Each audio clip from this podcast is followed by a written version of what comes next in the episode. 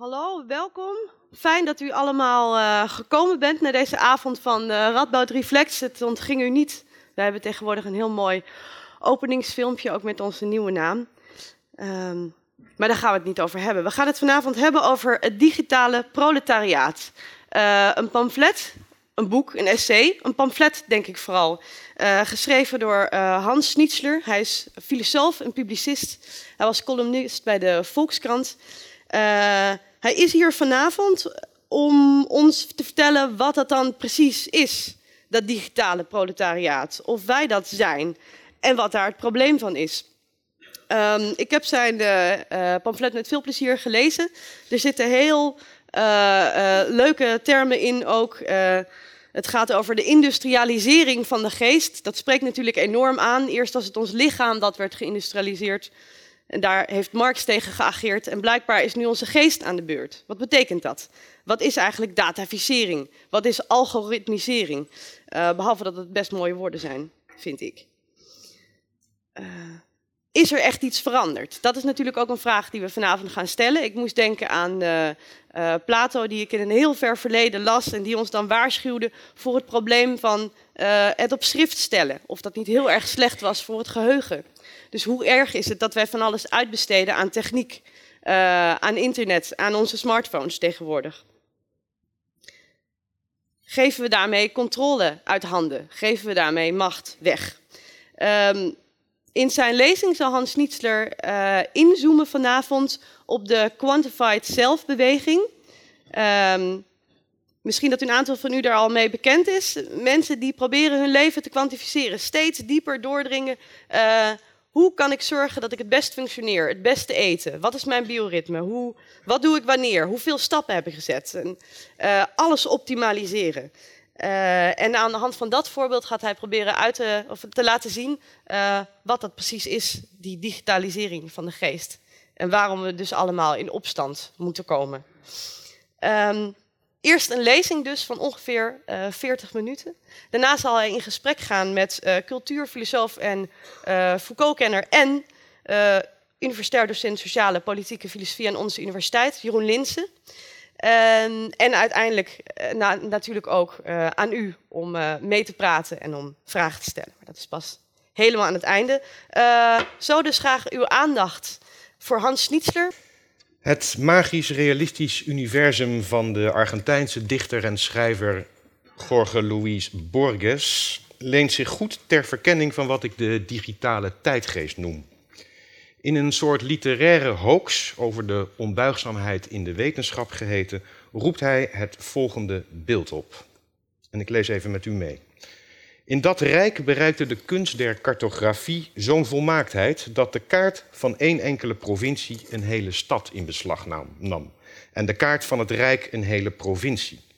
Met de tijd voldeden die bovenmatige kaarten niet langer en de colleges van cartografen maakten een kaart van het rijk die de omvang van dat rijk had en er zorgvuldig mee samenviel.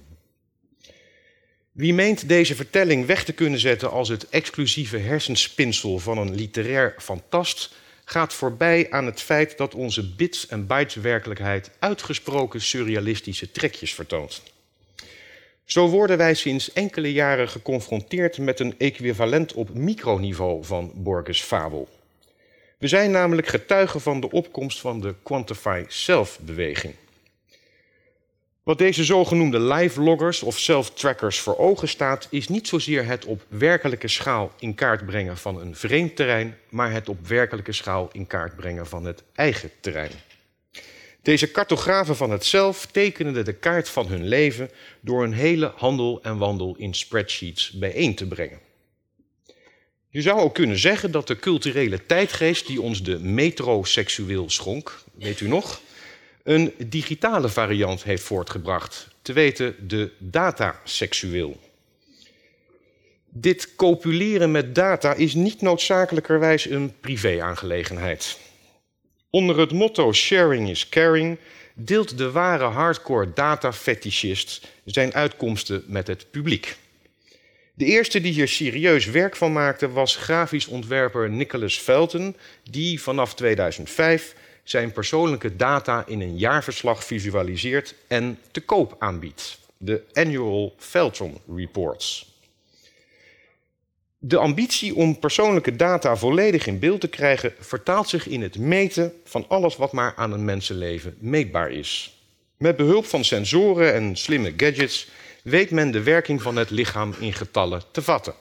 Zoals daar zijn lichaamstemperatuur, bloedsuikerwaarde, calorietoevoer, calorieverbruik, bewegingsprofielen, hart- en slaapritme, transpiratie, vetpercentages, menstruatiecyclus, de stoelgang en nog zo wat van dergelijke lichaamseigenschappen.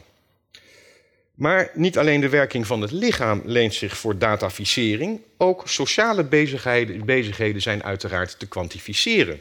Zoals bioscoop, theater en restaurantbezoek, alcohol- en frisdrankgebruik, Facebook- en Twittertijd, offline communicatie en interactiemomenten, winkel, reis- en leesgedrag en ga zomaar door. Dat datacopulatie soms ook heel letterlijk moet worden genomen, bleek wel uit een berichtje waarop ik onlangs stuitte. Een vrouw had haar Fitbit, dat is een werbel die je stappen en hartslag bijhoudt, gebruikt om haar prestaties in bed mee te registreren.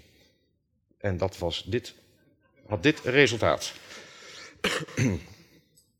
Zelfkwantificerende innovaties die het lichaam en het gedrag monitoren en ontleden, laten een stormachtige ontwikkeling zien.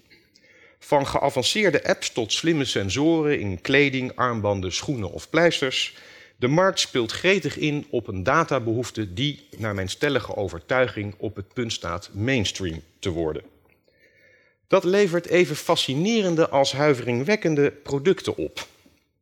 Zo is er al een glurende etalagepop ontwikkeld, IC, die klantbewegingen blootlegt en koopgedrag scant op en correleert met geslacht, leeftijd en etniciteit. En hoewel dergelijke surveillancesystemen nog wel eens op verzet willen stuiten, bestaat er tegelijkertijd een groeiende groep individuen die zich vrijwillig aan allerlei vormen van zelfsurveillance onderwerpt. Een app, Place Me, die elke stap die je zet registreert, komt tegemoet aan deze behoefte. Always remember your places, luidt de omineuze aanbeveling op de site van deze zelftracker. Waar komt deze dataverzamelwoede vandaan? Aan welke behoeften beantwoordt ze? En waar leidt ze uiteindelijk toe? Dat zijn zo'n beetje de vragen die ik in deze lezing zou willen verkennen. De meest ondubbelzinnige aanwijzing over de behoefte waaraan data grooming tegemoet komt, komt van de quantify-beweging zelf. Zelfkennis door getallen. Self-knowledge through numbers luidt het devies van de zelfkwantificeerders. Met andere woorden, achter heel die wereld van ambivalente gevoelens en tegenstrijdige indrukken houdt zich een te ontcijferen zelf schuil, een traceerbaar ik, samengesteld uit facts en figures. Liveloggers staat een heel scala aan ingenieuze meet- en rekenapparatuur ter beschikking waarmee zij hun levenskaart kunnen tekenen. Een kaart die onontgonnen gebieden moet ontginnen. Een Borgiaans logboek die tot elke uithoek van het particuliere leefgebied reikt. Weet men de bundeling gegevens die de mens is te achterhalen, dan worden er structuren en samenhangen zichtbaar die anders onzichtbaar zouden blijven. Wie maar lang genoeg zoveel mogelijk data aan zichzelf onttrekt en onderlinge betrekkingen identificeert, loopt zoals het ware en bij toverslag zijn echte ik tegen het lijf. Dat schept een even aantrekkelijk als overzichtelijk perspectief. De mens als machine, een gedachte die weer erg populair is in sommige kringen, waarvan men de gegevens uitleest, de constitutie overzichtelijk samenbalt in een printje en op basis waarvan men tot een betere afstelling komt. Als u het mij vraagt, schuilt er een impliciet verlangen achter deze datavariant op het aloude meten is weten geloof.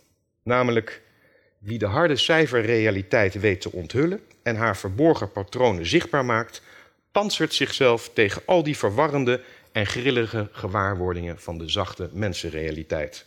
Zoals emoties, verbeelding, intuïties, interpretaties en impulsen. Nietzsche karakteriseerde de mens als het nog niet vastgestelde dier.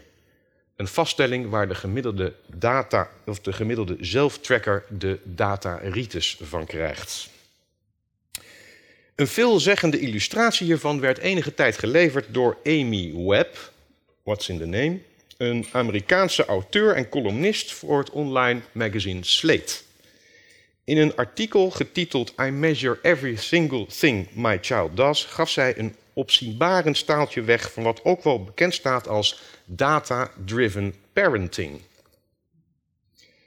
Dat is een opvoedkundig model waarbij men obsessief alles registreert wat er maar aan een baby of kind te registreren valt. Over haar drijfveren schrijft deze web het volgende. En ik lees weer even met u mee. It occurred to us that while our baby daughter couldn't communicate directly beyond crying, we could have a deeply intimate, beneficial conversation with her through data. We realized that we could quantify and study her in an attempt to optimize all of her development. Laat het gerust even tot u doordringen. We hebben God dood verklaard en de grote verhalen ten graven gedragen, maar dit stukje tekst is wat mij betreft exemplarisch voor een eigentijds verlossingsgeloof. Het data-isme. Het citaat legt getuigenis af van een belangrijk wezenskenmerk van deze geloofsbenijdenis. De wil om alles wat het bestaan onvoorspelbaar, ondoorzichtig en onberekenbaar maakt, in dit geval het huilen van de baby, voorspelbaar, doorzichtig en berekenbaar te maken. De belofte van data en de rekenkundige verwerking ervan met behulp van algoritme, statistiek 2.0 zo u wilt, is er een van totale inzichtelijkheid, beheersbaarheid en optimalisering. Te bereiken door een al even totaal toezicht. De digitale tijdgeest wordt dan ook voortgedreven door een niets of niemand ontziende transparantiedwang. Transparantie. Ooit voorbehouden aan een permanente eigenschap van materialen zoals folie en glas, is deze materiële hoedanigheid verworden tot een eis waaraan het handelen moet voldoen. Het categorisch imperatief van het informatietijdperk. Je zou ook kunnen zeggen dat het Westen in de 21ste eeuw geplaagd wordt door een endemisch geworden transparantiekoorts. Hoezeer deze koortsige toestand onze systeem- en leefwereld heeft weten te beheksen, mag wel blijken uit een interessant proefschrift dat in 2012 verscheen, met als titel Transparantie, icoon van een dolende overheid. De auteur Erna Scholtes laat zien dat het gebruik van de term transparant in landelijke dagbladen en Tweede Kamerstukken tussen 1995 en 2010 explosief is toegenomen. Een periode die, niet geheel toevallig, goed deels samenvalt met, een, met de ongekende stroomversnelling van de informatisering van onze samenleving. Scholte maakt overigens inzichtelijk dat het begrip transparantie inmiddels zoveel ladingen dekt dat het feitelijk betekenloos is geworden. Dat laat onverlet dat transparantie de internetwaarde bij uitstek is. Of het nu de piratenpartijen zijn, of de NSA, Julian Assange of de overheid, de Occupy-beweging of de internetindustrie. Op weg naar het beloofde land eist iedereen zijn of haar deel op van het transparantiemanna dat ons uit de digitale hemel ten deel valt. De diepere bron voor deze transparantiecultus moet volgens mij worden gezocht in een pre-internet sentiment. Dat wil zeggen een atavistische argwaan ten aanzien van menselijke motieven in het bijzonder en menselijk handelen in het algemeen. Onze handelingen zijn namelijk niet alleen onomkeerbaar, hè, gedane zaken nemen geen keer. De gevolgen ervan zijn ook nog eens volstrekt onvoorspelbaar en onoverzichtelijk. Eén enkele daad kan een hele keten aan reacties in gang zetten die letterlijk tot het einde der tijden voortduurt, om de filosoof Hannah Arendt te parafraseren. Het is een even fascinerende als verontrustende gedachte. Feitelijk betekent zij dat de mens die handelt nooit weet wat hij doet. De hele geboekstaafde geschiedenis hebben denkers en doeners zich dan ook het hoofd gebroken over de vraag hoe de menselijke kudde zo te temmen dat ze ons niet meer voor onverwachte verrassingen stelt. Een vraagstuk dat in wezen neerkomt op het verlangen om menselijke handelingen voorspelbaar te maken en derhalve te neutraliseren. Van Plato's ideale staat, waar de koning-wijsgeer absolute maatstaven aan de kudde moest opleggen, tot aan de grote tirannieën van de 20e eeuw, heeft men in woord en daad met meer of minder succes aan deze opdracht gewijd. Data en algoritme brengen de verwezenlijking van die droom binnen handbereik. Zo is mijn overtuiging. Een droom waar de gemiddelde despoot zijn tyrannieke vingers bij zou aflikken. En dat doet hij natuurlijk ook, al zijn onze democratisch gekozen dwingerlanden meer van het zachte soort. In het post-ideologische tijdperk laten zij zich vooral leiden door twee preoccupaties waarmee de massa's zich nog wel laten conditioneren en disciplineren: veiligheid en gezondheid. Ter bevordering hiervan laat men de digitale sleepnetten zakken en worden de datazeeën langzaamaan leeggevist. Waarna de vangst met behulp van algoritme tot hapklare brokken wordt verwerkt. De socioloog Willem Schinkel heeft de gevolgen van deze revolutionaire hengeltechniek met een pakkend neologisme samengevat. Prepressie, een samentrekking van de woorden preventie en repressie.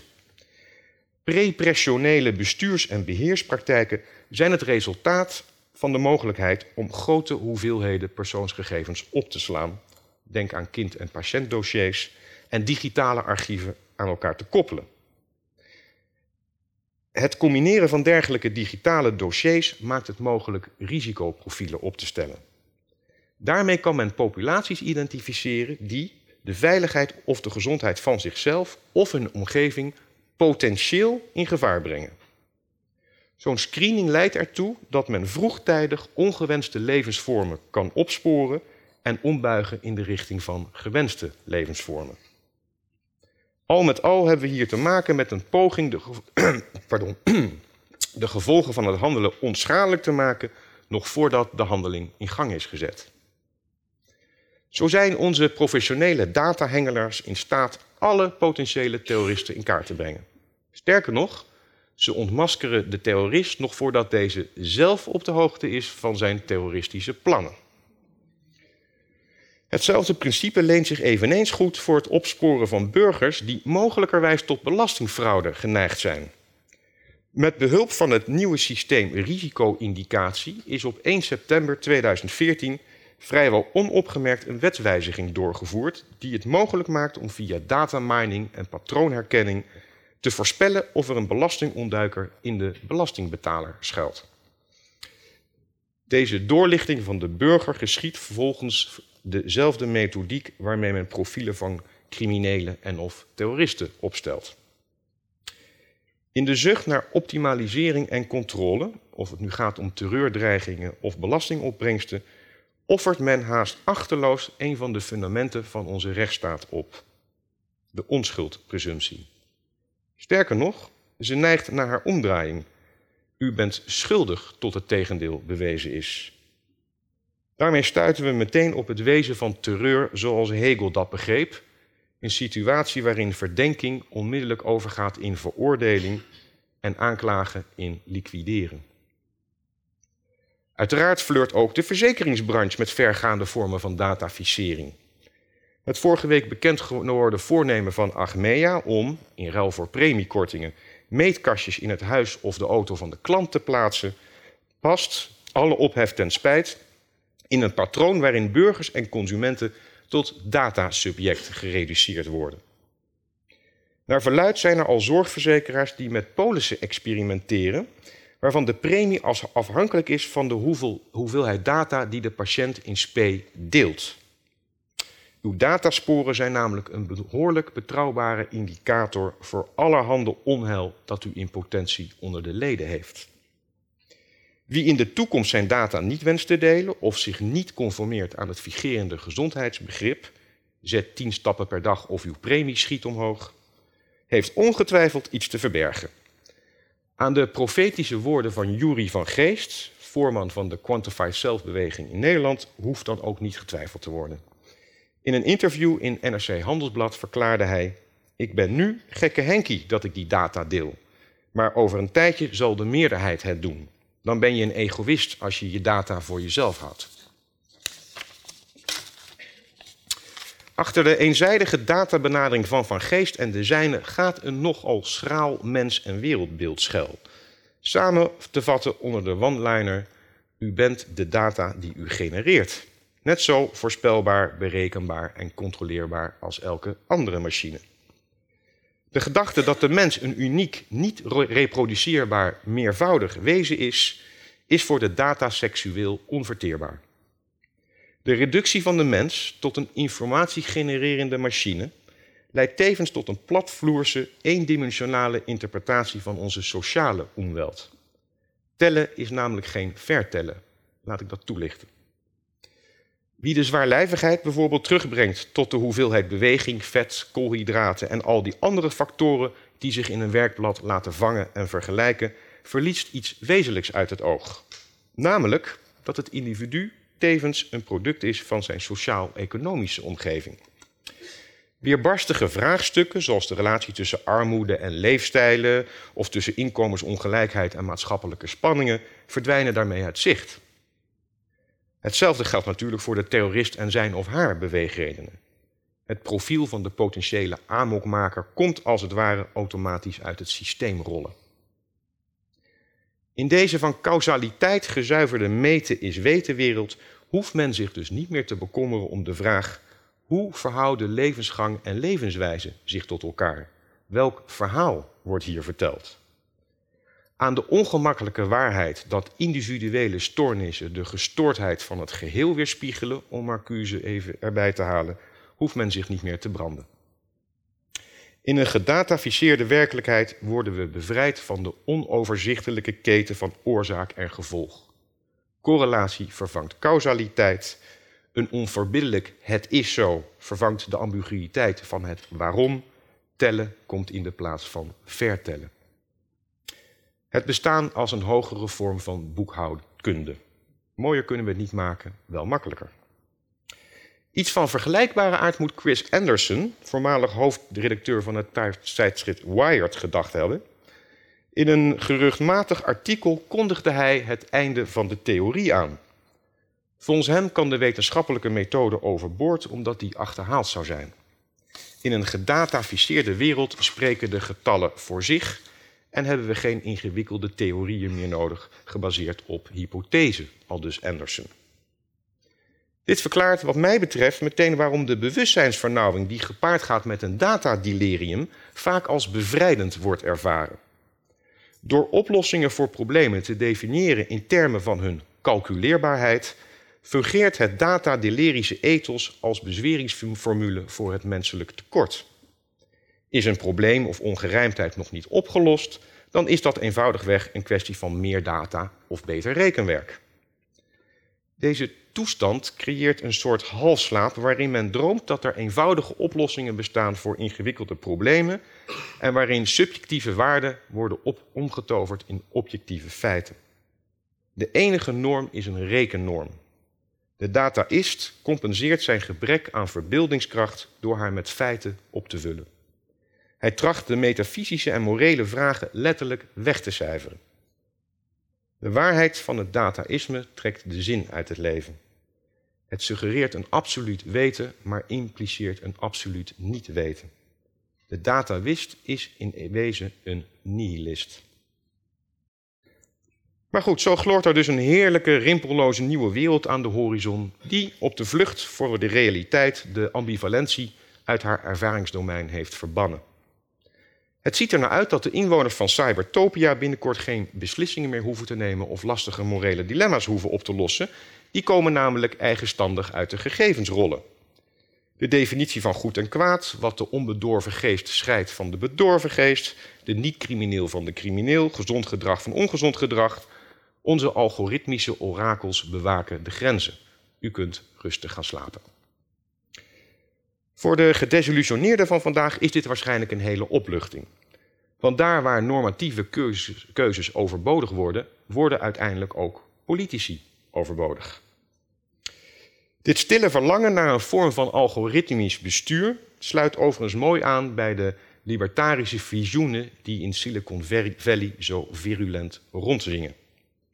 De komst van de digitale heilstaat draagt de belofte in zich onze democratie om te toveren in een heuse technocratie.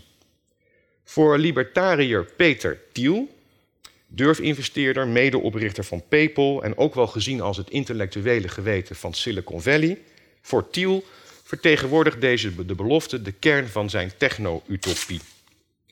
In een lezing die u op YouTube terug kunt vinden, vergelijkt hij mensen die de, zijn woorden, fundamentele slechtheid van regeringen ontkennen met duivelontkenners. Ik vond het ook een wat een verwarrende vergelijking, maar goed. En op de vraag waarom hij een libertariër is, verklaart hij: Ik vind politiek te intens. Dat is waarom ik een libertariër ben. Intens of niet, zoveel mag inmiddels hopelijk duidelijk zijn. Het surrealisme van Borges blijkt heel wat minder surreëel zodra je onze nakende technotoop in het licht beziet van de idealen van de gemiddelde datafetischist. Levenskaarten laten samenvallen met hun ervaringsgebieden. Wat de cartografen op individueel niveau doen, doen staat en marktpartijen op collectief niveau. Dat wil zeggen, levende lichamen en geesten reduceren tot informatiedragers die je aan de voorkant in de machine stopt om ze aan de achterkant gedundrukt eruit te laten komen.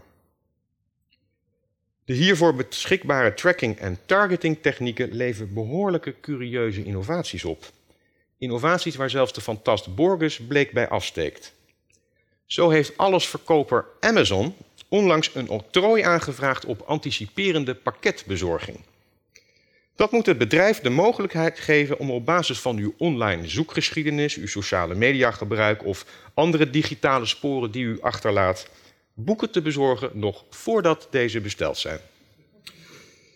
Dit alles uiteraard tegen aantrekkelijke kortingen en mochten de ambities van Amazon bewaarheid worden met behulp van drones. Pizza, heet, Pizza Hut, de pizzaketen de Pizza Hut heeft zo mogelijk een nog fantastischer idee voor ons in petto.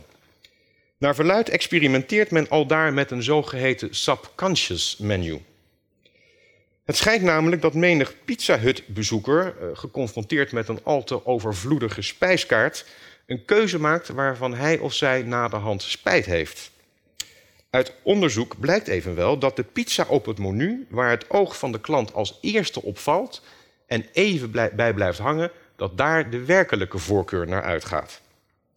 En dus heeft men een slimme menukaart ontwikkeld die met behulp van sensoren uw werkelijke pizzavoorkeur na drie seconden weet te achterhalen. En zo behoort de pizza-keuzestress definitief tot een analoog verleden. Wat deze relatief onschuldige voorbeelden duidelijk maken, is dat onze geavanceerde gadgets en slimme meet- en weetapparaturen dromen, verlangens en voorkeuren zichtbaar maken waarvan we onszelf niet eens bewust zijn. En dat is heel wat minder onschuldig dan mijn voorbeelden suggereren. De mens als een open boek die zijn psychologisch profiel gratis en voor niets weggeeft. Wat voor veel Silicon Valley cheerleaders een zegen is, komt mij vooral als vloek voor. Wie namelijk zijn psyche, zijn hoop, angsten, dromen en gedachten al dan niet vrijwillig uit handen geeft, verliest feitelijk zichzelf. En als er geen zelf meer is, als je alleen nog maar een ding bent, een hoopje informatie, gereduceerd tot grondstof voor datahandelaren, dan word je vroeg of laat een object ter manipulatie. Exclusieve toegang tot je gedachten is de noodzakelijke voorwaarde voor zelfbeschikking. De mens die dit privilege verliest is een naakt mens, gestript van zijn waardigheid en vrijheid. Aan dit soort bespiegelingen heeft Facebook-oprichter Mark Zuckerberg ongetwijfeld een broertje dood. Eerder deze maand gaf hij ons een inkijkje in zijn toekomstplannen. Een telepathisch sociaal netwerk waar de gebruikers elkaars gedachten kunnen lezen. Tijdens een QA-sessie met zijn Facebook-scharen konden we het volgende uit zijn mond optekenen. Ik geloof dat we op een dag, dankzij technologie, in staat zullen zijn om complete, rijke gedachten direct naar elkaar te versturen. Als je dan aan iets denkt, kunnen je vrienden dat onmiddellijk ook ervaren. Als je dat wilt, voegde hij voor de zekerheid er nog aan toe. Ik zou zeggen, goed nieuws voor de adverteerders, veiligheidsdiensten en Zuckerberg zelf natuurlijk. Hoe dan ook, de naakte mens leeft in een wereld waar, om met Multatuli te spreken, dieven minus de moed om in te breken hem overal volgen, tot aan zijn huis en slaapkamer aan toe. Of het nou uw slimme Google thermostaat Nest is, Of zijn slimme iPhone, zijn slimme horloge, zijn slimme Samsung kijkt altijd met u mee tv, zijn slimme zoekmachine of van mijn part, ik verzin het niet, zijn slimme vork, vloerkleed, spiegel of bed. Als hij zich terugtrekt in zijn innerlijke citadel, kijkt, leest en luistert een duizendkoppig monster met hem mee. De komst van het internet der dingen, die hele beestenbende van samengeklonterde slimme apparaten die met elkaar en onzichtbare derden communiceren. Dit, dit, dit internet van alles zet ons hele privacybegrip op de tocht. We maken ons zorgen over de invasie van vluchtelingen, scherpen grenscontroles aan, maar ondertussen ligt de grens tussen onze binnenwereld en buitenwereld er steeds vaker onbewaakt bij. Na de onthullingen van Edward Snowden hoeft het ons niet meer te verbazen. Er is een copieus datadiner gaande. En of het nou individuele datagekkies zijn die aanschuiven, staatslieden, spionnen, marktlui in persoonsgegevens of de grootdatabezitters van Silicon Valley, wat hen verenigt in hun informatiehonger is een ziekelijke zucht naar controle. Daarmee hebben we meteen een belangrijk archetype te pakken. Een archetype dat juist in ons gedigitaliseerde tijdsgewricht op zijn wenken wordt bediend. De controller freak. Dat is iemand die van begin tot einde heer en meester wil blijven over het eigen en andermans doen en laten. In elke controller freak schuilt dan ook een tiran. In het gunstigste geval tyranneert hij slechts zichzelf, in de meeste gevallen ook zijn omgeving. De Franse filosoof Michel Foucault heeft hier ooit een puntige typering van gegeven en ik citeer: Op ieder moment in te grijpen en al een constante pressie uit te oefenen voordat fouten, vergrijpen of misdaden zich voordoen. Ik speel een beetje vals hier, want wat Foucault hier beschrijft is niet de controlefreak zelf, maar daar waar hij zich het meest thuis voelt, het panopticum. In het kader van deze lezing mag een blik op de werking van het panoptische model dan ook niet ontbreken. Het ideaal van het panoptisme, dat letterlijk alziendheid betekent, is namelijk een levend ideaal. Dat we hier niet te maken hebben met een abstractie, werd enige tijd nog geleden nog eens onderstreept door Jury van Geest, de eminente livelogger die ik eerder aanhaalde. In een interview zei hij het volgende. We komen in een panopticum waarin de bewaker ook zichtbaar is. Straks weet iedereen alles over iedereen. Met deze ambitie geeft hij een eigentijdse invulling aan de toekomstvisie van de 18e-eeuwse filosoof Jeremy Bentham, de bedenker van het panoptische principe. Bentham's intentie was om dit principe een algemeen maatschappelijke functie te laten vervullen, die, in zijn eigen woorden, de moraal kan hervormen, de gezondheid beschermen, de industrie stimuleren, het onderwijs verbreiden, de publieke lasten verlichten, de economie een rotsvaste basis verlenen. Dit alles dankzij een simpel architectonisch idee. En zoals de quantify zelf laboranten op kleine schaal experimenteren met wat zich op grote schaal laat herhalen, beperkte Bentham zijn grootste maatschappij-experiment in eerste instantie tot de microcosmos van bewakers en gedetineerden. Daartoe bedacht hij een gevangenisontwerp waarmee gedetineerden geobserveerd en gedisciplineerd konden worden. Dit alles volgens het beginsel dat de macht zichtbaar maar ondoorzichtig moest zijn. Om dit te bereiken ontwierp hij een cirkelvormig gebouw met in het midden een wachttoren van waaruit de bewaker alle gevangenen in de gaten kon houden. Een ontwerp waarnaar de koepelgevangenissen in Haarlem en Breda gemodelleerd zijn. Het spiedende oog van de macht was enerzijds altijd zichtbaar voor de gevangenen, zij keken immers op de surveillance toren uit, maar anderzijds ondoorzichtig doordat de ramen van de toren geblindeerd waren. Dit laatste aspect was essentieel. De veroordeelde was zich bewust van zijn permanente zichtbaarheid, maar hij wist ook nooit zeker of hij ook daadwerkelijk bespied werd. Evenmin kon hij zich vergewissen door wie hij bekeken werd. Het alziende oog was een anoniem oog. Deze beide elementen, of en wie, moest het machtseffect optimaliseren. En hier komt Michel Foucault weer in beeld. Hij heeft laten zien dat Bentham's vondst overal toepasbaar is en een ideaal model om alziend toezicht en effectieve controle op het dagelijkse leven uit te oefenen. Want dit machtsmechanisme laat zich spontaan en geruisloos gelden en heeft, al dus Foucault 2.0, geen andere fysieke instrumenten nodig om individuen te beïnvloeden, dan het net en het algoritme. Dit is Foucault 2.0. U ziet, ik heb Foucault's woorden architectuur en geometrie vervangen door het net en het algoritme. Een kleine cosmetische ingreep waaruit Bentham's ideaal volumineuzer en vitaler dan ooit tevoorschijn komt. Het digitale panopticum. Uiteraard bestaan er ook een aantal verschillen tussen het analoge origineel en de met digitale middelen gebotokste versie. In de versie van Bentham waren de gevangenen opgesloten in aparte cellen, gescheiden door tussenmuren die het contact met lotgenoten belemmerden. Het isolement moest de orde garanderen. In de virtuele versie is deze ontwerpeis losgelaten. Communicatie is hier juist een voorwaarde voor het instand houden van de orde. Het digitale panopticum staat in het teken van connectiviteit, van het aanjagen van informatie- en communicatiestromen, het verdienmodel waar de internetindustrie op draait. Isolement zou zand in deze machinerie strooien. Je zou kunnen zeggen dat Facebook, Twitter en WhatsApp de cipiers zijn die de digitale dwangarbeiders in het gareel en aan het werk houden.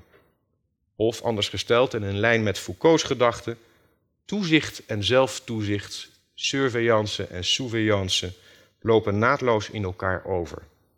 We zijn het principe van onze eigen onderwerping geworden. Het belangrijkste onderscheid tussen het klassieke panopticum en de digitale versie moet echter gezocht worden in het object van toezicht en controle. Bij Bentham concentreerde de machtsuitoefening zich primair op het lichaam. Het dwangmiddel, de anonieme blik, effectueerde zich via de fysieke gestalte van de gedetineerde. Foucault noemt deze vorm van machtsuitoefening uitoefening biomacht. Zolang men de beschikking had over lijf en leden van de crimineel, de waanzinniging of de perverseling, kon de disciplinerende macht haar invloed laten gelden. En nu het cruciale verschil. Het digitale panopticum werkt niet primair op het lichaam in, maar op de geest. De zetel van ons vermogen om te denken, te willen en te oordelen. Deze verschuiving van lichaam naar geest is een goed voorbeeld van wat de GroenLinks-leider Jesse Klaver economisme noemt. De gedachte dat alle maatschappelijke vraagstukken tot economische kwesties te herleiden zijn. Staat u mij toe Klavers veronderstelling kort in historisch perspectief te plaatsen? Ten tijde van de industriële revolutie vond er een grootschalige industrialisering van het lichaam plaats. We legden onze spierkracht in de machines en met de massaproducten die van de lopende band afrolden, veranderden we langzaam maar zeker in consumenten. Er werd echter zoveel overbodig consumentenspul gemaakt dat het kapitalisme al snel met overproductie en winsterosie werd geconfronteerd. Toen haalden de kapitaalwoekeraars en eeuwige groeiapologeten een kunststukje uit dat vaak onderbelicht blijft. Men ontdekte het domein van de menselijke geest als een onuitputtelijke bron voor waardevermeerdering. Er ontstond zoiets als een geestesindustrie die zich toelegde op de annexatie, exploitatie en manipulatie van onze verlangens, dromen, emoties en vriendschappen. Eindspel van deze kapitalistische doelrationaliteit is de volledige toe-eigening en vermarkting van ons bewustzijn. Enter de digitale proletariër. De dynamiek die dit dataproletarische economisme gaande houdt, is even simpel als subtiel. Omdat een consument een bewustzijn is met een verlangen, staan hedendaagse techniektitanen voor de opdracht dat bewustzijn te vangen. Heeft men dat bewustzijn eenmaal te pakken, dan is het een koud kunstje onze verlangens in de gewenste richting te sturen en tot in het oneindige aan te jagen. Data en algoritme, kruipolie van deze megamachine, slagen hier wonderwel in en vervolmaken de werking van wat sommige economen ook wel een verlangenseconomie noemen. Andere economen spreken ook wel over aandachtseconomie. Dat is goed getroffen, want de frontlinie in deze strijd om de geest is inderdaad onze aandacht. Onze slimme en o zo manipulatieve snufjes zorgen voor een totale mobilisatie van aandacht. En zoals op ieder slagveld gaat deze totale mobilisatie, deze weergaloze bewapening met communicatiemiddelen, gepaard met een even totale destructie van aandacht. Resultaat: wijdverbreide concentratie- en aandachtstoornissen, ADD, infobesitas, twitteritis en nog zo wat van die eigentijdse pathologieën. Waarschijnlijk moeten we hier de werkelijke betekenis zoeken van die veelbezongen disruptieve economie. Maar goed, dat terzijde. De overgang van de industriële naar de digitale revolutie laat zich in één zin, wat mij betreft, samenvatten. Van de industrialisering van het lichaam naar de industrialisering van de geest. Van biomacht naar psychomacht. Van stoommachine naar smartphone, de lopende band in onze broekzak. Wie het hele menselijke ervarings- en leefgebied tot koopwaar wil reduceren, ontkomt er niet aan de laatste barrière die de commerciële exploitatie hiervan in de weg staat, te beslechten. Kortom, wat de Bastille was voor de Franse Revolutie, is de privéburcht voor de digitale revolutie. Geheimen zijn leugens, privacy is diefstal. Om het motto van Dave Eggers' dystopische roman The Circle in herinnering te brengen. Tot besluit. Probleem is wat mij betreft niet zozeer de machine, de tablet of de robot, als wel de onwil of onkunde maatschappelijke eisen aan ze te stellen. Deze vrolijk twitterende auteur is ook allesbehalve een technofoob of vooruitgangshater. Wat mij wel enigszins fobisch maakt, is de allerminst onschuldige common sense opvatting dat technologie neutraal zou zijn. Een opvatting die, zo ontdekte ik tot mijn schrik, ook in Silicon Valley immens populair is. Of deze veronderstelling nou op moedwil of misverstand berust, daar wil ik vanaf zijn. Maar ons machine-universum is van oudsher en per definitie een mensenuniversum. Met andere woorden, in onze slimme apparaten en geavanceerde gadgets zitten mensen verstopt. De ziel van de cybertobian zit daarin. Hun mens- en wereldbeelden en opvattingen over het goede leven. Wanneer wij het bouwen van onze wereld exclusief aan techies overlaten, dan worden wij op een goede dag wakker om te ontdekken dat we in Nerdistan beland zijn.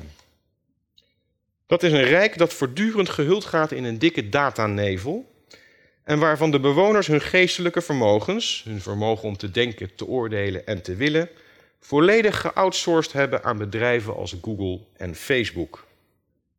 Welkom in uw heerlijke nieuwe wereld.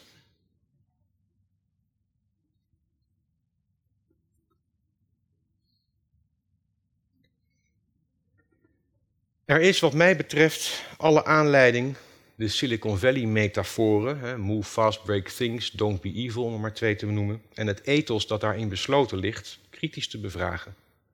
Doen we dat niet, dan dreigen we in een ubertransparant, van privacy gezuiverd Silicon-rijk terecht te komen.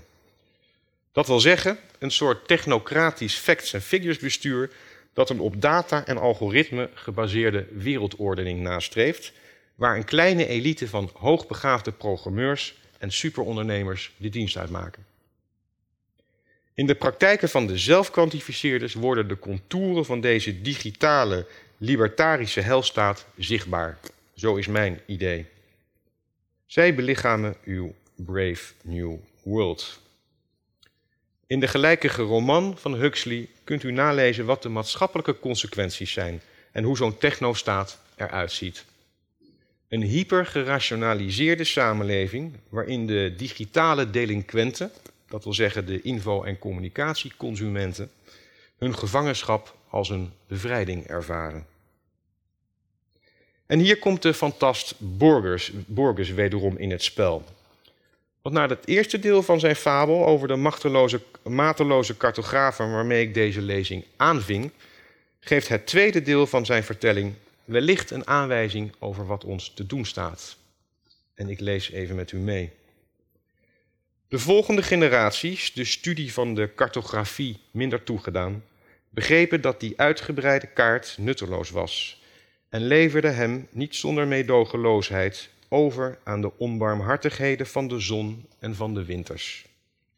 In de woestijnen van het westen staan nog uiteengevallen brokstukken van de kaart, bewoond door beesten en bedelaars. Dank voor uw aandacht.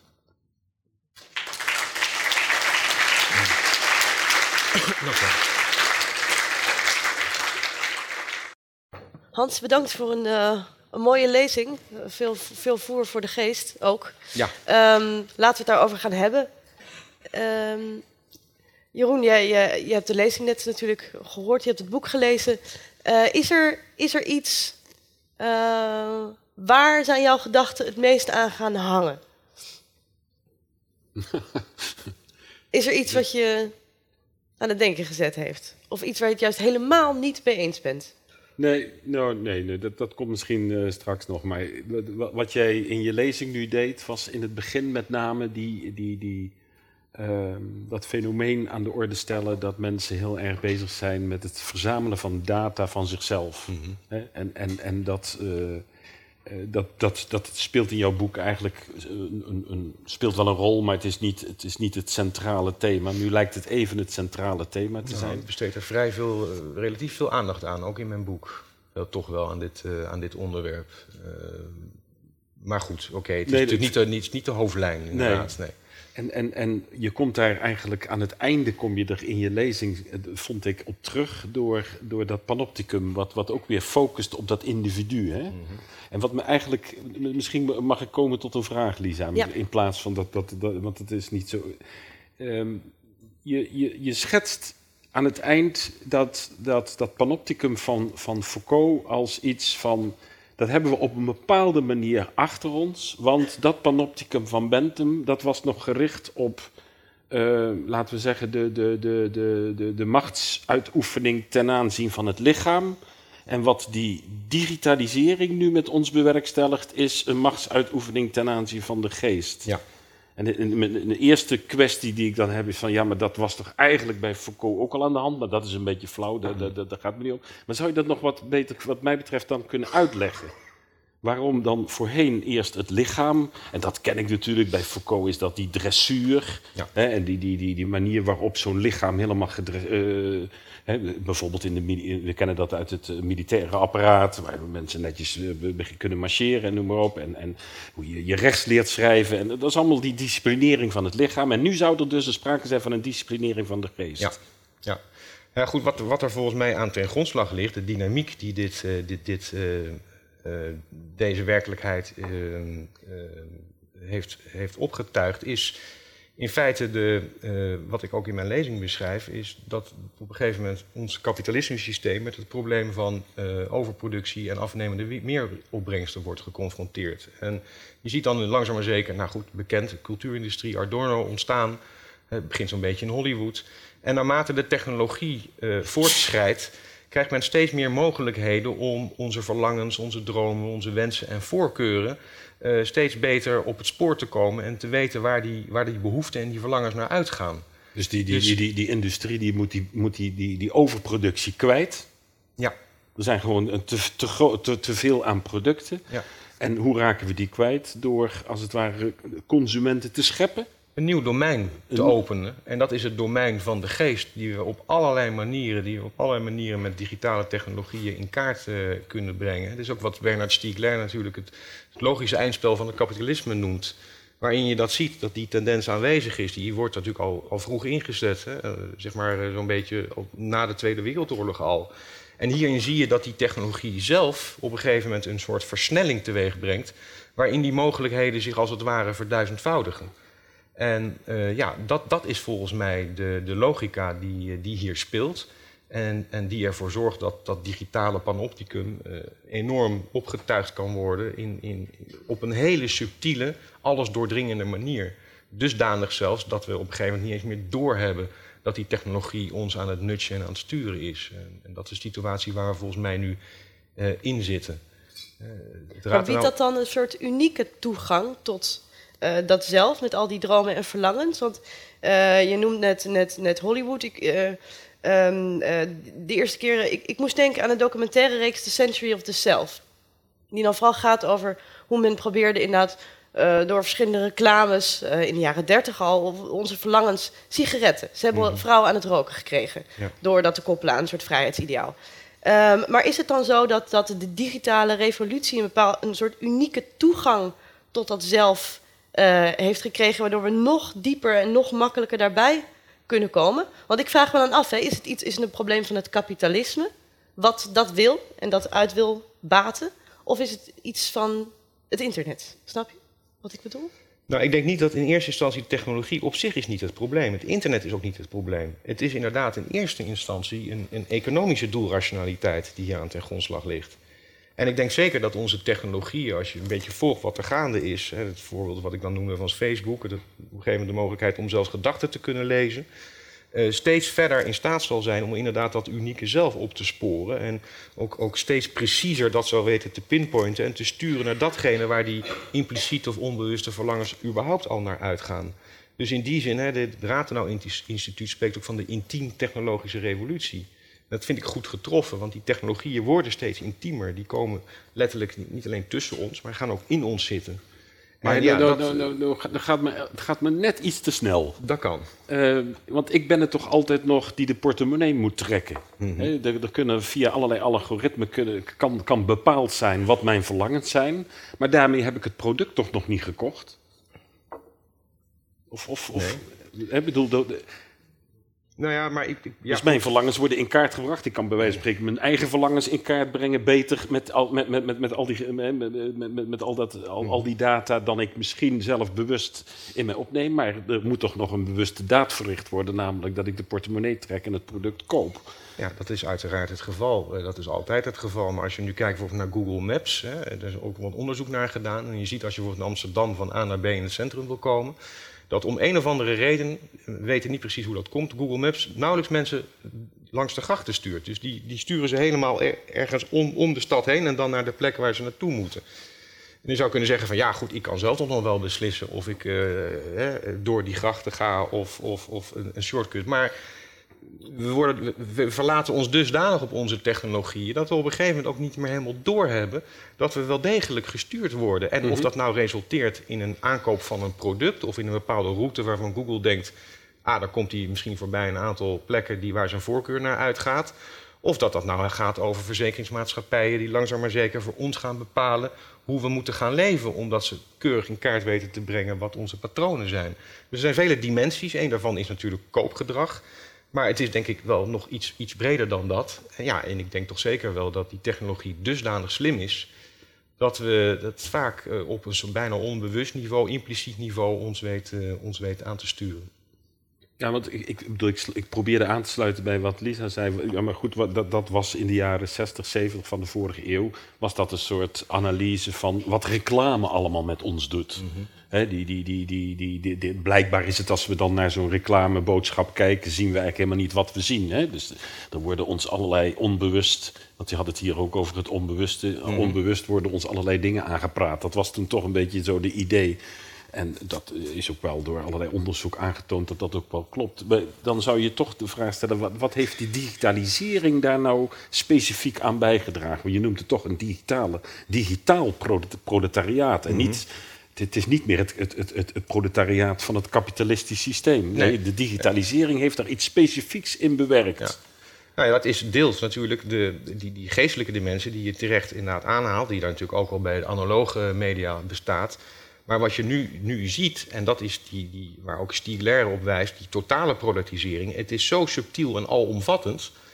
Uh, die televisie, die, oké, dat is misschien wel moeilijk, maar die kon je op een gegeven moment nog uitzetten.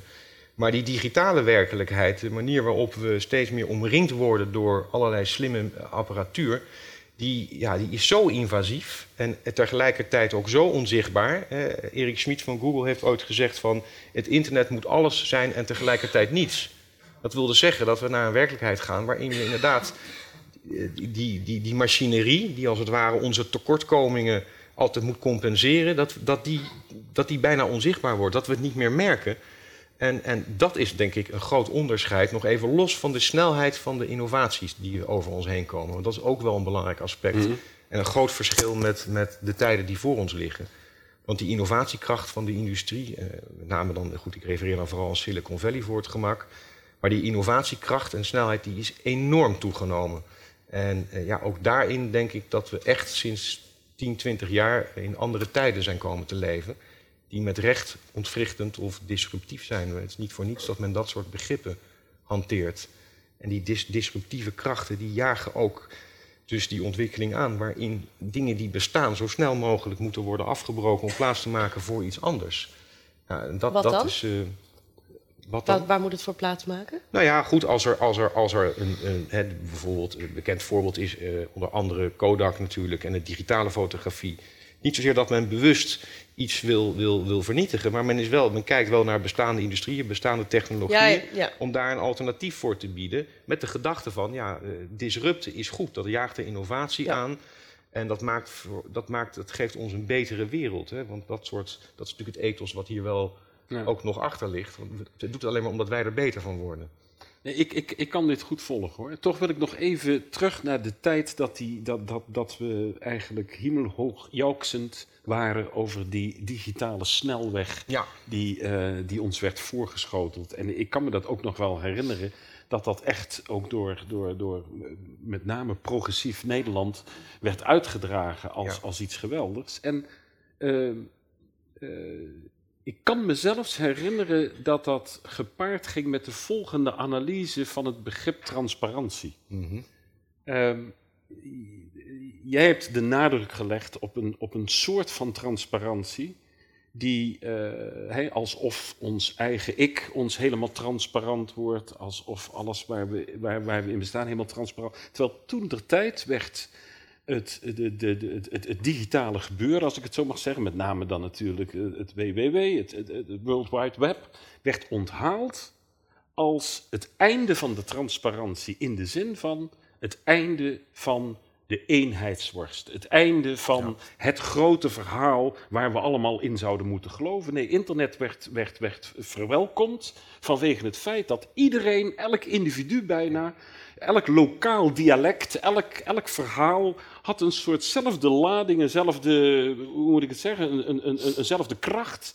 En, en, en, en iedereen kon nu mee communiceren. Je herinnert je dat. Ja, uiteraard, Hè? ja. Zo werd het verwelkomd en dat was eigenlijk een einde van de transparantie in de zin van transparantie als het ene grote verhaal waar we allemaal in moeten geloven. Nee, je, misschien ken je de filosoof Fatimo die, die zich daar ook tegen verzet heeft. Hè? Dat, het, het, het, het- de nieuwe media die zijn niet een, moeten niet in het teken gezien worden van een soort homogenisering. Nee, eigenlijk in het teken van een heterogenisering. Ja, ja. En, en juist allerlei eh, verhalen krijgen nu een plek, krijgen de ruimte die voorheen eh, ja, eigenlijk uitgezuiverd werden door een elite die dat niet toestond. Ja. Hoe moet ik dit, dit, dit euforische verhaal, wat ik nog herken uit, wat zullen we zeggen, de jaren 80, 90 van de vorige eeuw, nu in verband brengen met jouw. Nou ja, wat je, wat je ziet, en dat wordt volgens mij ook wel breed onderkend door de mensen die van het eerste uur, is dat zeg maar die democratische belofte, hè, die belofte van verheffing die inter- internet eh, met zich meebracht en nog steeds wel brengt, die samenhangt ook echt met de architectuur van het web. Ehm, ja, men zegt ook wel, het, web, het, het net is kapot. En ehm, men verschilt van mening van waar dan precies dat moment ligt dat het misgaat. Maar in zijn algemeenheid zou je kunnen zeggen dat wat er op een gegeven moment gebeurd is, is de commercialisering van het web. En daarin zie je dus ook weer dat men dat internet een soort echoput wordt. Hè. Het is ook aangetoond, eh, Google bijvoorbeeld, eh, het, het maakt nogal uit wie een bepaalde zoekopdracht invoert. Als u eh, een grote eh, eh, duikfanaat bent en u typt Egypte in, dan krijgt u waarschijnlijk als eerste resultaat allerlei duikresorts. Terwijl als je politiek geëngageerd zou zijn, dan krijg je hele andere resultaten. Ook hierin zie je weer dus dat, dat het, het, de technologie als het ware ehm, ehm, het tegenovergestelde gaat doen van wat men hoopte dat het zou gaan doen. Namelijk dat het een soort kanalisering wordt van onze eigen verlangens, wensen en dromen. En die, die, die, die worden telkens naar onszelf teruggekaast. Dat is het idee van die echoput. Waardoor we in feite geobsedeerd raken door onze eigen dromen, verlangens en, en wensen. En ja, in die zin, zo noem ik dat ook, ik, ik geloof ook in mijn boek, noem ik dat, dat het dus een verkleingeesteling heeft, heeft, heeft plaatsgevonden. In plaats van dat het onze wereld groter, rijker en, en diverser zou maken. Maar, maar dan, dan moeten we toch traceren van waar is dat dan ergens fout gegaan? Je noemde net van de commercialisering. Ja. Dus het internet is gewoon overgenomen door, door, door eh, nou ja, Silicon Valley en achtige, eh, achtige grote eh, companies. Multinationals Ja. die, die, die daar nu de dienst uitmaken. Was dat, dat, en dat Ja, was maar in het begin... overgenomen, ja, overgenomen. dat kan ik je denk, niet zo zeggen inderdaad. Nee, denk- overgenomen is een, een slecht woord, maar ik bedoel, dat was dus in, het, in de beginfase niet het geval. Nee, ik heb ooit een verhaal gelezen over het feit dat die eerste, die eerste reclames die op internet plotseling verschenen, dat, dat is eigenlijk per toeval is dat, is dat op een gegeven moment gebeurd. Omdat één iemand dat toch een aardig idee vond. En, en daarin zie je dan plotseling dat zeg maar die, die, die, die, die idee van, van, van waardevermeerdering, van eh, het, het zoveel mogelijk uithalen van wat de gebruiker eh, zou kunnen doen, dat dat dan eh, zijn beslag gaat krijgen. Maar dat was in aanvang, ja, was dat natuurlijk eh, niet, niet het idee. Het ging erom dat je een, een, een structuur maakt waar mensen op basis van.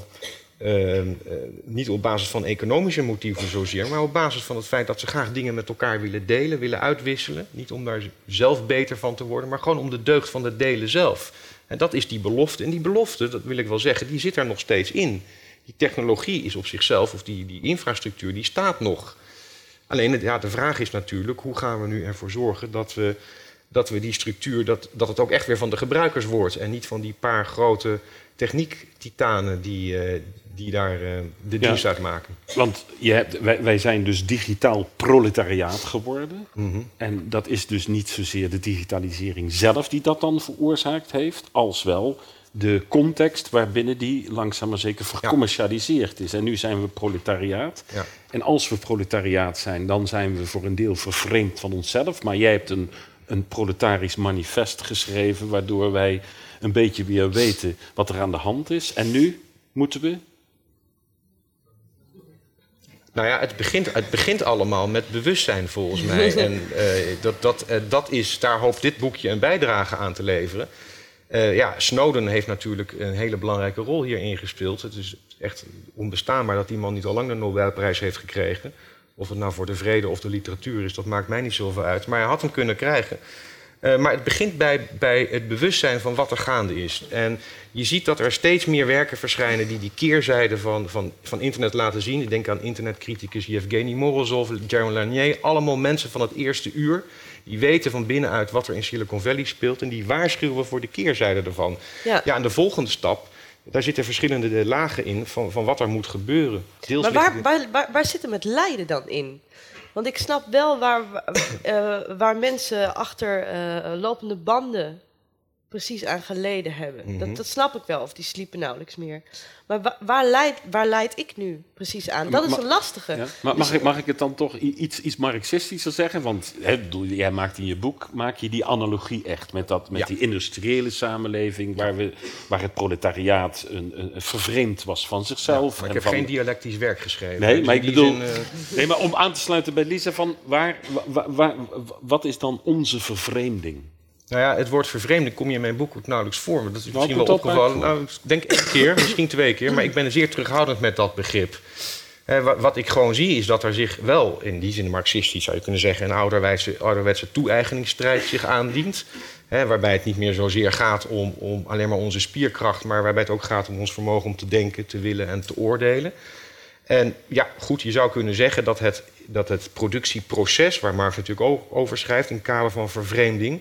waarbij de arbeider op een gegeven moment die machine als een soort vreemde macht ervaart... die hem overheerst, enorme afstand krijgt tot het eindproduct... en waarvan Marx ook zegt van ja, ehm, de arbeider wil eigenlijk liever niet werken. Dan, dan, dan, dat, dat is dat lijden van die arbeider. Ja, in onze tijd, en dat is de ironie, is het omgedraaid. Wij denken dat we met die lopende band in onze broekzak heel erg bevrijd worden en heel veel nieuwe mogelijkheden krijgen. Dat maakt ook meteen de hele eh, dynamiek vrij moeizaam om daar uit te breken, omdat we het juist- als een bevrijding ervaren. Dus in die zin zijn er een aantal zaken die echt fundamenteel anders zijn dan in de, zeg maar, de dialectiek die Marx eh, beschrijft. En ja, voor mij gaat het wel over uiteindelijk menselijke waardigheid. Hè. Trudy de Hu heeft een boek, mooi, prachtig boek geschreven, Depressie-epidemie. We hebben te maken met twintigers en dertigers die met allerlei uitvalverschijnselen te maken hebben, veel meer dan ooit. Dus het lijden zit volgens mij in dat vastgekoppeld worden aan een systeem dat ons continu alert maakt, waarin we continu als digitale werkmieren geacht worden al die informatie- en communicatiestromen te verwerken. En ja, ik denk dat daar het lijden wellicht zit, in die druk die je ook, dat onbehagen, dat proef je ook. Dat wordt ook echt wel gevoeld. Het is niet iets, eh je- een soort discursief eh, Ja. wensdenken of zo. En je schetst dat ook als eigenlijk een onontkoombaar iets. In die zin dat de, de, de, die, je, je verzet je ook tegen die common sense gedachte dat, dat uh, het apparaat slechts een middel is tot een doel. Ja. Waartoe ik dat apparaat, dat doel kan ik dat apparaat be, bewegen wat ik wil. Nee, dat apparaat heeft een soort, ja, hoe moet ik dat zien? Een soort doel in zichzelf, wil iets met mij. Nou ja, wat je. Wat, wat is de doelmaat? Wat is, wat, wat is, wat, wat, je zou bijna kunnen zeggen, waarin schuilt dus de doelgerichtheid van de computer of de doelgerichtheid van mijn smartphone? Ja, dat is natuurlijk heel moeilijk te pinpointen, uiteraard. Maar wat ik denk wat je moet doen, en dat is ook wat ik, waar ik wel toe heb opgeroepen en ook in mijn boek oproep, is. Ik denk als je, als je beseft dat technologie niet neutraal is, dat dus de waarden van ontwerpers, van mensen die dat verkopen, die, die het bedenken, dat die daarin zitten, hun ideeën over het goede leven dat we bijvoorbeeld eens moeten gaan kijken naar het ethos van, nou, laten we het Silicon Valley noemen. Ja. Door welke waarden wordt men daar nu precies voortgedreven? Eh, wat voor ideeën, wat voor mens- en wereldbeelden spelen daar? Want kun je, je kunt een voor, voorbeeld kunt... noemen van iets wat jou dan enorm tegenstaat? Ik zeg bijvoorbeeld dat in die functionaliteit van Facebook bijvoorbeeld, mm -hmm. daarin schuilt zo'n soort mens- of wereldbeeld en daar verzet ik mij enorm tegen. Nou ja, ik denk dat je niet zozeer. Ik heb niet nu één specifiek voorbeeld van de technologie zelf, maar ik wel een, een, een uitspraak als het hebt over Facebook van Zuckerberg zelf. Die ooit gezegd heeft dat het hebben van meerdere identiteiten een gebrek aan integriteit verraadt. Nou, ik vind dat een ronduit schokkende opmerking. En schokkend, maar ook interessant. En ik denk dat het interessant is om ons af te vragen: van ja, wat, wat bedoelt hij daar nou precies mee? Uh, ik kan er wel op enige manier wel een soort invulling aan geven. Want natuurlijk wil Zuckerberg dat onze identiteit transparant is. Om, hè, dat is voor hem belangrijk. Het hebben van, een, van meerdere identiteiten maakt het natuurlijk noodloos ingewikkeld. Ja. Dus ja, eh, dat is een voorbeeld waarvan ik zeg van... nou ja, goed, laten we daar nou eens naar kijken. Naar, naar die waarden die, die uh, in, in, in Nerdistan, zoals ik dan gekscherend noem, uh, rondzingen. En hoe we ons daartoe willen of niet willen verhouden. Um, dus ja, ik denk dat het zaak is, ook hier, dat, dat denkers veel actiever in dat proces uiteindelijk een, een positie krijgen om, om mee te kunnen denken en kijken in het ontwerpproces. Waarom worden nou bepaalde functionaliteiten wel of niet toegepast? Ja. En welke afweging wordt daar gemaakt? Want nogmaals, die technologieën die vertegenwoordigen de mensen die, die ze bedenken en ze maken. Maar to, toch heb ik daar, daar heb ik toch wel wat moeite mee. Niet, niet, ik, ik denk, ik, ik zou het eerder willen verruimen in de zin dat een, een, een, een situatie waarin wij ons nu bevinden, is de situatie van dat hele grote companies, dat, dat multinationals, ons voortdurend voorhouden hoe we gelukkig worden, wat het goede leven is, waar we voor moeten kiezen en wat we moeten laten. Dat zijn niet alleen die internetbedrijven, dat is ook Benetton, dat is, dat is uh, Philips, dat, dat, dat, de Volkswagen. Ja. Uh, ja.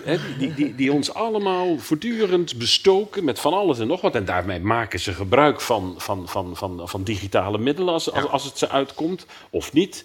Uh, dus hangt dat niet gewoon veel meer samen met een, een, een, globaliserend kapitalisme ja, dat ons in de greep heeft op, op zichzelf en probeert ons als consumenten voortdurend allerlei producten aan te praten. En dat, dat, niet alleen, sterker nog, dat we, dat we als het ware er ook in geloven. En ik, ik ben het wel met je eens dat je je zou kunnen afvragen eh, dat, dat, dat, of, of, of datgene waar we toch uiteindelijk zelf nog over gaan, namelijk hoe we zelf vinden dat eh, eh, het, het, het, leven goed is en wat we zelf kwaliteit van leven vinden, dat dat toch uiteindelijk nog onze eigen beslissing is en niet een beslissing van anderen. Ja. Maar je, je, focust zo, vind ik, op Silicon Valley bijvoorbeeld, of mhm. zo op, op, op die internetbedrijven. Ja. Zou, zou, je het niet moeten verbreden naar, naar een, een, een, een analyse zeg maar, van het hedendaags kapitalisme? Dat kan. En daar zijn mensen die dat ongetwijfeld heel goed uh, doen. Uh, we hebben net uh, Piketty bijvoorbeeld gehad. Die heeft natuurlijk ja. prachtige analyse gemaakt. En ehm, nou ja, goed, uiteraard speelt dit, als je het hebt over globalisering, over grote economische ontwikkeling, dat speelt een rol. Maar wat mijn punt is en waar ik in ieder geval gaandeweg, naarmate ik me meer in dit onderwerp verdiept op stuit, is dat we de rol van technologie hier enorm zwaarwichtig is. En want net zoals Volkswagen, die, die, die, eh, die mogelijkheid om, om dit te kunnen doen, is natuurlijk uiteindelijk een technologie die dit mogelijk maakt. Dus ja, we moeten hier gewoon die krachten van die, van die technologie, dat, dat, dat stampende universum, wat, wat, wat steeds alles doordringender wordt. Uh, ik denk dat dat toch wel een enorme katalysator is voor zeg maar, die hyperactiverende doelrationaliteit van het, van het kapitalisme. We moeten net zo onrust, onrustig worden als het kapitalistische systeem zelf. En het zijn juist onze technologieën, denk ik, die ons daartoe aanzetten en die daar een enorme aanjaagfunctie spelen. Dus ja, ik denk dat die technologie juist uh, heel erg belangrijk is om te begrijpen, om te zien. En uh, wat er gaande is. En natuurlijk, ik focus erop en ik focus op Silicon Valley, want dat zijn toch de namen, uh, het icoon van, van waar die innovaties voornamelijk nog vandaan komen. En ik moet daarbij zeggen, ik mag natuurlijk niet alle mensen die in Silicon Valley werken over één kam scheren. Maar dat daar een zekere naïviteit aanwezig is, waarbij men dus zelf ook gelooft dat technologie neutraal zou zijn, ja, dat vind ik wel een zorgelijke, zorgelijk verhaal. Ja, ja, ja. Ik ben, uh, ik ben benieuwd of hoeveel nerds hier eigenlijk in de zaal zitten die misschien wel in woede ontsteken bij dit verhaal. Dat um, ja, ik ga dus naar de zaal. Ik ben heel benieuwd hoeveel vragen er zijn. Ik zie hier alvast, ik begin bij u meneer. En dan ga ik. Er komt een microfoon aan. Ja. Ik heb met veel interesse. Ben, mijn naam is Twan Doscheid. En ik heb met veel interesse geluisterd. Uh, um, dan wordt mij een, uh, een conflict voorgespiegeld. Mijn vraag, is er wel een conflict? -hmm. Of is uh, de ontwikkeling, nu ligt die niet in de lijn, dat die, is niet het, het grote probleem dat de mens eigenlijk bang is voor het zelf. Ik heb hier de hele tijd ook het zelf gehoord. Zelf, zelf, zelf beslissen. Uh, ik, ik heb de indruk dat de mens dankbaar gebruik maakt van de mogelijkheid om van zichzelf te vluchten. Ja. Want het zelf is natuurlijk vreselijk eenzaam. En als je ziet dus de enorm succes van de sociale media, die precies passen in het plaatje, dan is de mens eigenlijk, de mensheid, de drijvende kracht achter de technologie. Ja. Vergis ik me daarin? Nee, ik denk dat u zeker gelijk heeft. Uh, dat dit ook echt een belangrijk aspect is. Hè. We worden natuurlijk uh, geconfronteerd met onze ambiguïteit. We worden continu in verlegenheid gebracht door demonen die we zelf ook niet uh, kunnen waarnemen. En je zou kunnen zeggen dat die gespletenheid van het zelf, die er per definitie is, um, dat die ook een belangrijk aandeel heeft in, als je het, zou, als het in termen van conflict zou willen definiëren, waarin uh, de mogelijkheden van die industrie, hè, die de dingen glad wil strijken, soepeltjes wil maken, een bestaan rimpelloos wil maken, dat die daar uh, inderdaad tegemoet komen aan een zekere inherente spanning of iets door, door iets wat, waardoor we in verlegenheid worden gebracht, die dat zou, wellicht zou kunnen gaan oplossen. Dat, dat is een beetje de belofte die er ergens op de achtergrond wel sluimert. En ja, dan in, als je het zo beziet, dan zou je kunnen zeggen dat wij zelf natuurlijk ook mede verantwoordelijk zijn voor de wijze waarop die technotoop uh, nu gestalte kan krijgen. En ja, gemak dient de mens. We zijn er zo op uit. Ik generaliseer, ik zeg wel men, maar oké, even grosso van... We willen graag een wereld die, die, makkelijk is, die vloeibaar is, waar we soepeltjes doorheen kunnen scrollen en swipen, waar hè, alle informatie binnen muisklikbereik ligt. En of het nou informatie is of een mogelijke relatie, ook daarin kunnen de algoritmen voor ons de ideale partner met één druk op de knop als het ware uit de machine ja, toveren. Maar ik hoorde net, net over het woord gemak, maar probeer u niet ook te zeggen dat het een soort vlucht is van het zelf. Ja. Dus dat vlucht dan misschien in een soort gemak, maar... De... om te vluchten. Ja. En daar willen we ook. En waarvan dan, is dan de vraag. Van jezelf, ja. Nou ja, dit is, vind het wel... Wat, ja. Nou ja, je ziet natuurlijk dat, dat ook hier... Hè, Nozick heeft ooit die mooie, inter, uh, mooie vergelijking van die tank gemaakt, van die ervaringsmachine. in feite dat het ook een soort, bijna een soort vluchten voor, voor de ambiguïteit en de weerbarstigheid van, van ervaringen kan zijn. En hij had de gedachte van, nou ja, stel je voor dat je in zo'n tank kan plaatsnemen, dat al je voorkeurservaringen daar, uh, dat je die voorgeprogrammeerd worden. En je zou de keuze hebben om in zo'n tank te leven of in het werkelijke leven. Dan zou iedereen wel voor dat werkelijke leven willen kiezen. Dus ergens zit er ook toch wel dat verlangen om echt dingen te ervaren. Met alle, alle dubbelzinnigheden en moeilijkheden en tragiek die daarmee gepaard gaat. En dat is het dubbele, want ondertussen is Silicon Valley, naar mijn idee, bezig ons in zo'n ervaringstank op te sluiten. Alleen de keuze gaat niet van de een op de andere dag, maar het, het gaat vrij geleidelijk. Dus ja, enerzijds tuurlijk. Uh, maar ja, het is dus ook dubbel. Er zit ook een zekere paradox. We willen wel echte ervaringen. Uh, die zoeken we ook nog steeds op. Uh, naarmate het bestaan saaier wordt, gaan we misschien allemaal steeds extremere sporten uitoefenen. bungee jumpen, maar ook andere mogelijkheden. om toch die werkelijke ervaringen en die confrontatie met dat zelf weer terug te vinden. Maar goed, daar zit een soort spanning tussen, ja. Een ander aspect is wel van, hè, dat je, je, ik kan me er iets bij voorstellen dat je uit de weg gaat voor het zelf en dat je dus gemakkelijk ingaat op, op, op, op al die mogelijkheden die er zijn om, om jezelf een identiteit aan te meten. Dan hoef je er zelf niet over na te denken, bij wijze van spreken. Maar op het moment dat dat dan gebeurt, als ik jouw boek goed begrepen heb, dan heeft dat ook een terugslag in de zin dat men als het ware het gaat eisen van je. Hè, dus in de, Ja. zoals het voorbeeld wat je geeft van ehm, dat, je, eh, dat er op een gegeven moment een verzekeringsmaatschappij is bijvoorbeeld die zegt van ja, maar nou, nou heeft u toch die data, nou weet u toch wat een gezond leven is, Ja. dan mag ik ook verwachten dat u dat doet. En als je dat dan niet doet, dan is het ook je eigen schuld. Hè? Ja. Nog afgezien van de context waar jij vandaan komt. Je hebt dat in je lezing eigenlijk ook nog even be- benadrukt. Hè? Dat we helemaal vergeten wat de economische context is of de sociale context van iemand. Nee, het wordt helemaal geïndividualiseerd. Dus er zit wel een gevaar aan jezelf uit weggeven, als het ware, als ik het zo mag zeggen. Want je krijgt het keihard weer terug. Ja. Ja. Nou ja, dat is het digitale fuik als het ware waar je, waar je inzwemt. Eh, eh, dus, en en ja, nogmaals, ja, dus die verleiding is wel Ja. groot. Eh, Maar mag ik toch nog even ingaan op dat zelf, wat je net zei, van die, dat andere aspect? Hè? Want Kort, dat- dat- want anders dan... eh, en want het is wel een belangrijk aspect eigenlijk, denk ik, van waaruit jij uiteindelijk praat. Hè? Jij spreekt uiteindelijk vanuit een soort, ik, ik zeg het toch even expres zo, vanuit een, toch, vanuit een soort romantisch ideaal, dat er nog een echt zelf is.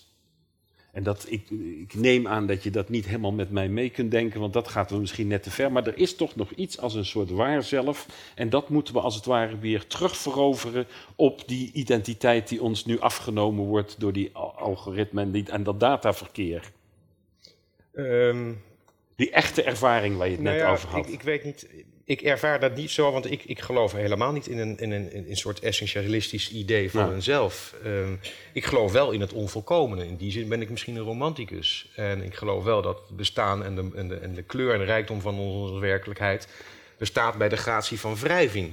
En, de ontwikkeling die ik nu zie, waarin die, die eigenlijk een soort verlangen waarin wordt uitgedragen dat het frictieloos moet zijn, ja, dat vind ik een vrij angstvallig ehm, perspectief. Hè. De vrijheid om een de vrijheid om ondoelmatig te leven. hè, De vrijheid om een ronde pin in een vierkant gat te zijn. Huxley.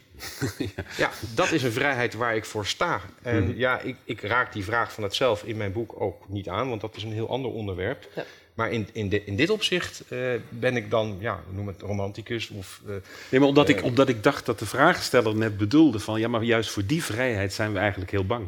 ja. Maar dat is... Ja. ja, nee, dat is natuurlijk wel. Volgende vraag. Eh, dank u wel. In uw eh, reden net was eigenlijk een probleemanalyse van eh, de huidige eh, maatschappij. En wat is nou eigenlijk de remedie die u voorstaat? Wat moeten wij, zeg maar, een, een probleemanalyse vergelijkbaar met Marx, moeten wij, zeg maar, communistische revolutie ondernemen mogen? Of wat zegt u dat we het best kunnen doen, zeg maar?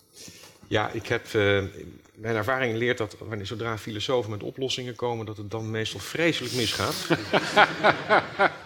Dus ik vind dat we daar wat terughoudend in moeten zijn. Maar ehm, in algemene zin, ja, er zijn een aantal, eh, aantal dingen die denk ik belangrijk zijn. En eh, ja, deels ligt de oplossing natuurlijk in de technologie zelf.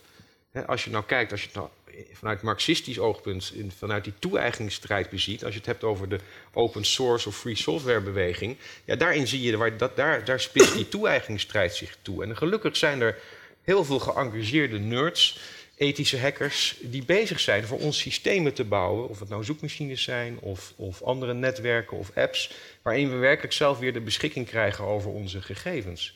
Dus een deel van het antwoord moet gezocht worden in de technologie zelf.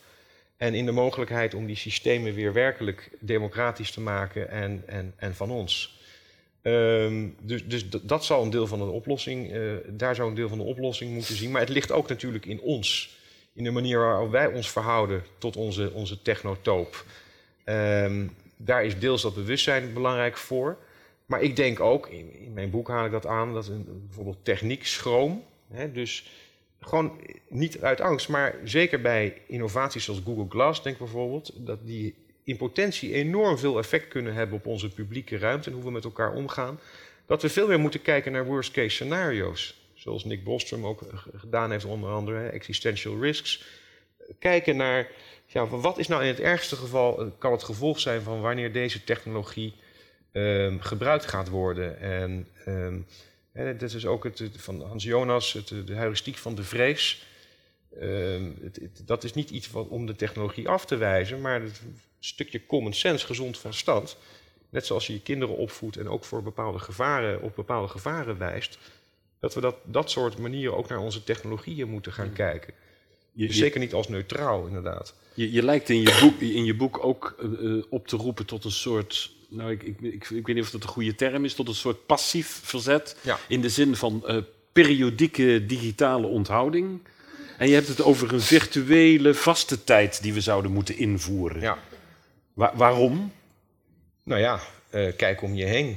Uh, ik denk dat de tekenen voor zich spreken. Mensen, ik, ik, kreeg vlak na de presentatie van mijn boek, dat is een aardige anekdote, een mail van een, een jonge vrouw uit Groningen, gymnasiaste, net klaar met school. En die was toevallig op mijn boek gestuurd. En die, die zei, ik las de kaft, ik heb het gekocht, ik heb nam het mee naar huis. En die beschreef mij dat ze al, toen ze dus dat boek kocht, met een soort digitale onthouding bezig was. En zij beschrijft gewoon uh, hoe ze weer tot leven is gekomen. Dat ze dingen begon te zien. Ze ging weer koken, ze ging weer lezen. Het, het, was gewoon het verhaal van een jonge vrouw die gestorven was en weer tot leven was gekomen. Dat was echt, echt heel bijzonder. Zijn, dus- zijn dat ook de tekenen destijds die jij ziet? In de zin, hè, die, die, die, die periodieke geheelonthouding. Ik hoor wel eens van mensen dat ze zeggen: Nou, Facebook, ik doe het even een maandje niet meer. Hè? Even vasten. Ja. En, en, en, en dat dat tekenen zijn die, die, die maken dat, jouw dat, dat, dat zeg maar toch de revolutie, het is dan geen communistische revolutie, maar dat de revolutie nakende is. Nou ja, goed, de revolutie... Dat een soort omwenteling... Het zal een stille revolutie misschien zijn, maar uh, ja, ik, ik meen wel te bespeuren dat er uh, bij grote groepen mensen een zeker onbehagen heerst over de wijze waarop ze in die digitale mal uh, geperst worden. En, de, en, en ja, de dwingende karakter ervan. En, en de moeilijk, moeilijkheden om, om, om die verleiding te weerstaan. Ja, we spreken ook over gebruikers. Ja, dat is op zich al, vind ik. Een junk is ook een gebruiker. Dus dat zijn, dat zijn wel woorden die iets, iets onthullen. Ja. En ja, goed, kijk, als ik, als ik weer hier naartoe kom, kijk in een trein of waar dan ook. Het is, het is, het is, het is, het is zo moeilijk om je er los van te maken. En, en dus die verveling die als het ware toch echt wel een functie heeft, ja, die, die, die, die verdwijnt gewoon in die verstrooiing die, die onze slimme gadgets en apparaten ons verlenen. Um, ja, ik ga naar u. Er zitten hier twee, twee naast elkaar, twee mensen. Kan ik vandaar komen, de microfoon?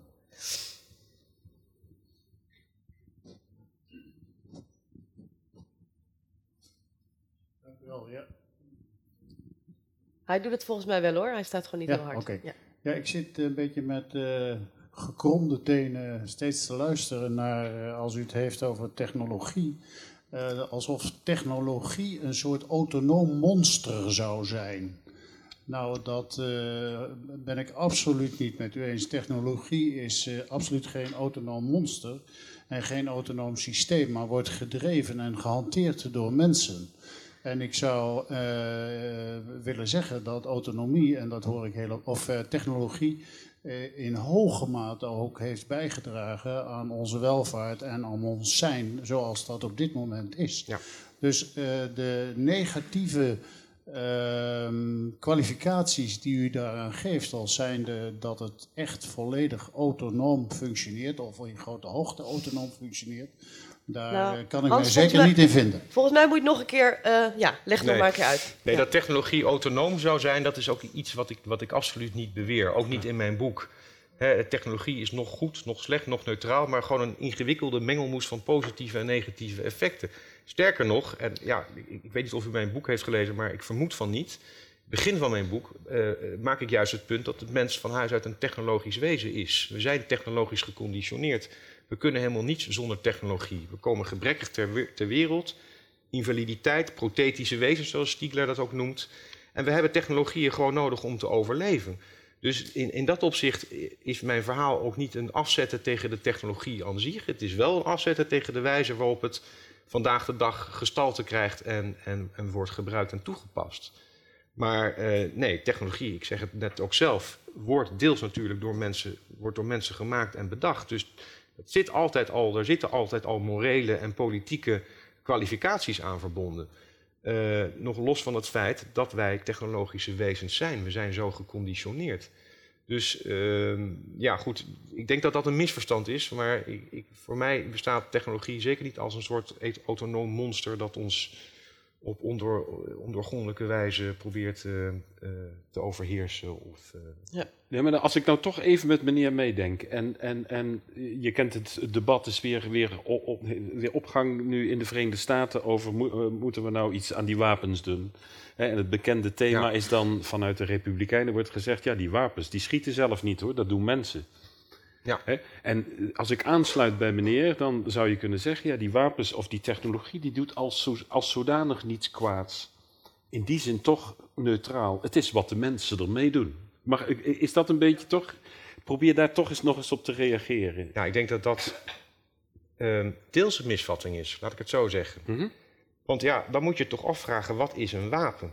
Nou, een wapen, dat is toch een geval van moordtuig, over het algemeen. Schiettuig, om het een beetje Heideggeriaanse jasje te geven. Dus dat zijn dingen die er bedoeld voor zijn om mensen, dingen of dieren kapot te maken. Dus dat wapen heeft een zekere aanleg, een zekere intentionaliteit. Kortom, als het ene peuter het andere peuter per abuis uit de boom knalt, dan doet dat wapen in feite wat hij moet doen. Namelijk schieten. Dus deels is het wel zo dat natuurlijk het wel te maken heeft met de wijze waarop het gehanteerd wordt, maar er zit ook een zekere aanleg in een wapen. En dat geldt voor heel veel dingen of technologieën, dat er een zekere, in die technologie zelf al zit een zekere richting, een zekere doelgerichtheid. Uh, en dus in die zin ook weer niet neutraal. Ja, dat is uh, de laatste ja. vraag. Ja. Uh, ik heb twee dingen. Um, Eén, wat kun je doen? Ik denk, wat je kunt doen is proberen om zoveel mogelijk verkeerde data te voeren, zodat de data onbetrouwbaar wordt. En um, ten, ten, tweede um, denk ik dat, dat, ik heb zoiets van, heel veel mensen snappen de technologie die er is niet, kunnen niet programmeren. En in die zin is technologie heel erg ondemocratisch. Want je weet niet waarover je het hebt eigenlijk. Ja. Nou, dat zijn twee hele goede punten. Het eerste wat je zegt, je moet zorgen dat je data onbetrouwbaar wordt. Dat is een mooi voorbeeld. Amerikaanse filosoof Helen Niesenbaum. Die heeft een, uh, een, een app ontwikkeld, Track Me Not heet dat. Um, wat doet dat? Dat zendt de hele tijd fictieve zoekresultaten uit naar, naar de service waarmee je communiceert. Met Google en Yahoo. En daarmee uh, ja, maak je jezelf als het ware onzichtbaar. Zij noemt het ook weapon of the week.